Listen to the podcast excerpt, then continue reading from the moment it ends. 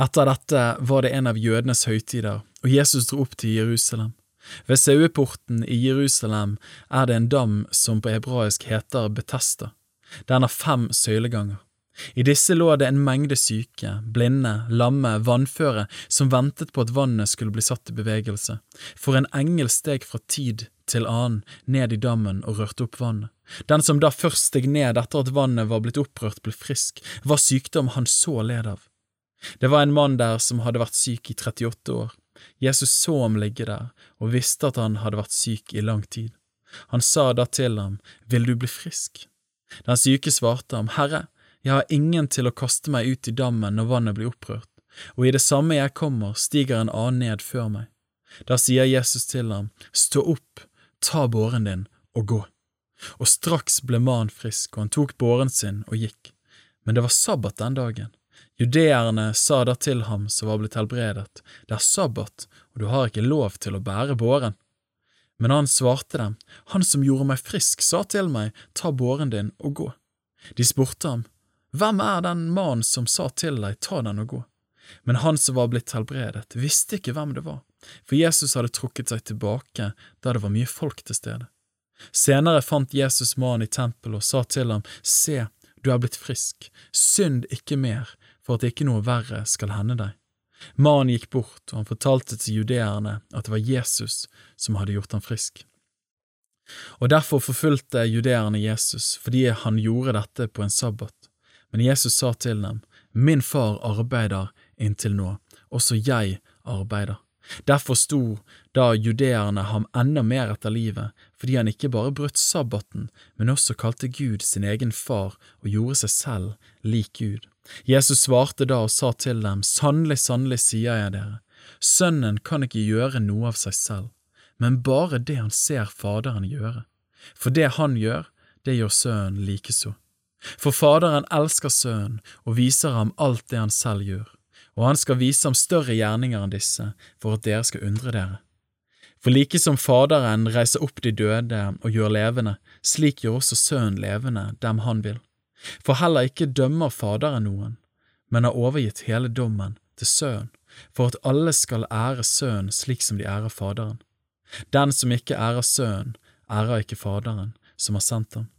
Sannelig, sannelig sier jeg dere, den som hører mitt ord og tror Ham som har sendt meg, han har evig liv. Han kommer ikke til dom, men er gått over fra døden til livet. Sannelig, sannelig sier jeg dere, den time kommer, og den er nå, da de døde skal høre Guds sønns røst, og de som hører, skal leve. For like som Faderen har liv i seg selv, slik har han også gitt Sønnen å ha liv i seg selv. Og han har gitt ham makt til å holde dom, fordi han er menneskesønn. Undre dere ikke over dette, for den time kommer da alle de som er i gravene skal høre hans røst, og de skal komme ut, de som har gjort det gode, til livets oppstandelse, men de som har gjort det onde, til dommens oppstandelse. Jeg kan ikke gjøre noe av meg selv. Etter det jeg hører, dømmer jeg, og min dom er rettferdig. For jeg søker ikke min vilje, men Hans vilje som har sendt meg. Dersom jeg vitner om meg selv, da er mitt vitnesbyrd ikke sant. Det er en annen som vitner om meg, og jeg vet at det vitnesbyrdet han vitner om meg, er sant. Dere har sendt bud til Johannes, og han har vitnet for sannheten. Ikke så at jeg tar imot vitnesbyrd fra et menneske, men dette sier jeg for at dere skal bli frelst. Han var det brennende og skjene lyset, men dere ville bare en kort stund glede dere i hans lys. Men jeg har det vitnesbyrd som er større enn det Johannes ga, fordi gjerningene som Faderen ga meg å fullføre, selve gjerningene som jeg gjør, vitner om meg at Faderen har sendt meg. Og Faderen som har sendt meg, han har vitnet om meg. Verken har dere noen gang hørt hans røst eller sett hans skikkelse, og hans ord har dere ikke værende i dere, for den han har sendt, ham tror dere ikke. Dere gransker Skriftene fordi dere mener at dere har evig liv i dem, og disse er det som vitner om meg. Men dere vil ikke komme til meg for å få liv. Jeg tar ikke imot ære fra mennesker, men jeg kjenner dere og vet at dere ikke har Guds kjærlighet i dere. Jeg er kommet i min fars navn, og dere tar ikke imot meg. Kommer en annen i sitt eget navn, han vil dere ta imot. Hvordan kan dere tro, dere som tar ære av hverandre? og den ære som er av den eneste Gud, den søker dere ikke. Tenk ikke at jeg vil anklage dere hos Faderen. Den som anklager dere, er Moses, han som dere har satt deres håp til.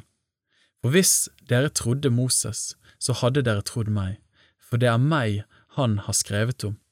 Men hvis dere ikke tror hans skrifter, hvordan kan dere da tro mine ord?